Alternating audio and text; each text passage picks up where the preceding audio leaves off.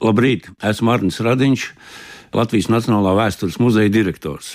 Vai zini, ka rakstīto avotu ziņas nevienmēr sakrīt ar arheoloģiskām liecībām? Nevienmēr ir tā, ka senākajos rakstītajos avotos sākotnēji fiksētais nosaukums turpina savu pastāvēšanu vēlākajos gadsimtos.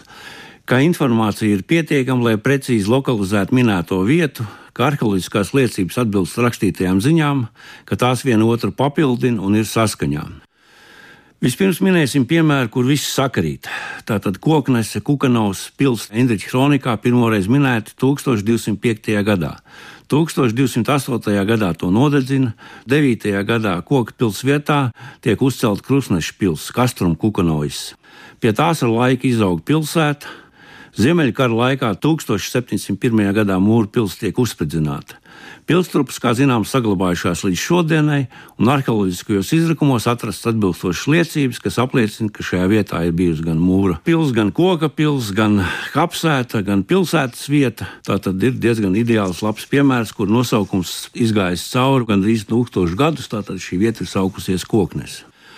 Tagad par gadījumiem, kad rakstītos avotos sākotnēji fiksētais nosaukums neturpina savu pastāvēšanu vēlākajos gadsimtos. Sāksim ar tādu izcilu centru kā Jersika, tātad Latvijas valsts ar valdnieku visvaldi, literatūra un romāni uzrakstīti, bet izrādās, ka tā ir daudzreiz minēta 13. gadsimta kronikās un citos dokumentos. 14. gadsimtā tās vārds izzūda. Un pēc tam 15. gadsimtā vairs nav faktiski sastopams. Un, kad sākām domāt, kur tad atrodas Jersika, īsti nezinājām, kur šo vietu meklēt. Indriča kronika satur vērtīgu informāciju par tās izskatu, 1209. gadā biskups Alberta uzbrukuma laikā tā raksturoti sekojoši. Citēju: Biskups savu karaspēku virzīja pret pilsētu, vācieši viņus vajādam kopā ar viņiem uzbruka pa vārtiem pilsētā. Todien viss karaspēks palika pilsētā un savāca daudz kara laupījumu, sagrādām visos pilsētas nostūros drēbes, sudrabu, pumpuru un daudz lopu, bet baznīcās zvanus, svētbildes un citas piederumus, naudu un daudz mantu, un visi paņēma līdzi, pateikdamies Dievam, kas viņiem tik ātri bija piešķīris uzvaru pār ienaidniekiem un atvērs pilsētu bez pašu zaudējumiem. Tātad pētnieki kopš 18. gadsimta centās lokalizēt Jersiku.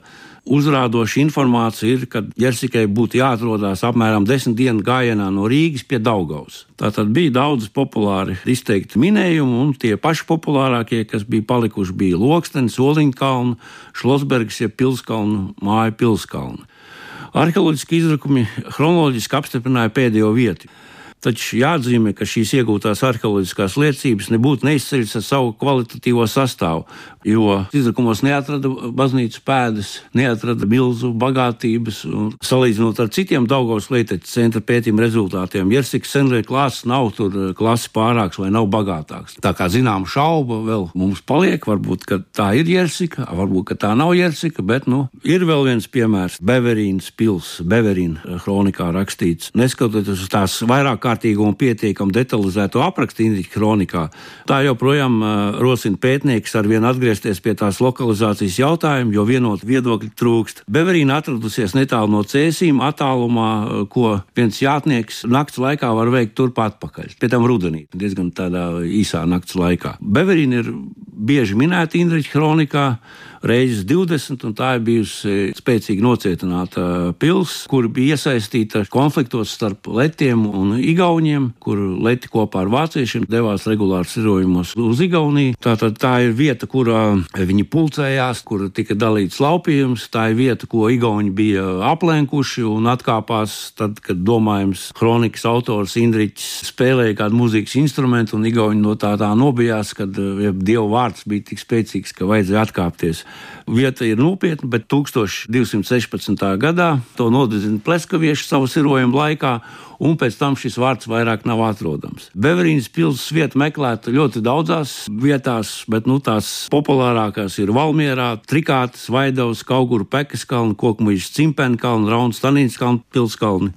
Veiktie arheoloģiski izrakumi ir ļāvuši dažas vietas izsvītrot no šīs saraksta, tomēr šobrīd esošais apjoms un kvalitāte nav ļāvusi pētniekiem vienoties par nu, tādu neapšaubāmu Beverīnas pilsētas vietu. Tagad varam turpināt minēt. Tagad par gadījumu, kad iegūtas spilgtas arheoloģiskās liecības bet mēs nekādā veidā nevaram atrast rakstītos avotos, kā šī vieta saucās. Šī gadījumā runa būs par Daugmalas pilskalnu. 10. un 12. gadsimtā Daugmala ir ļoti spilgts amatniecības un tirdzniecības centrs šajā Baltijas jūras krastā, bet pieminiekļa nosaukums Daugmala ir jauns, tas ir izveidots tikai 20. gadsimta 30. gados pēc pagastu vārda.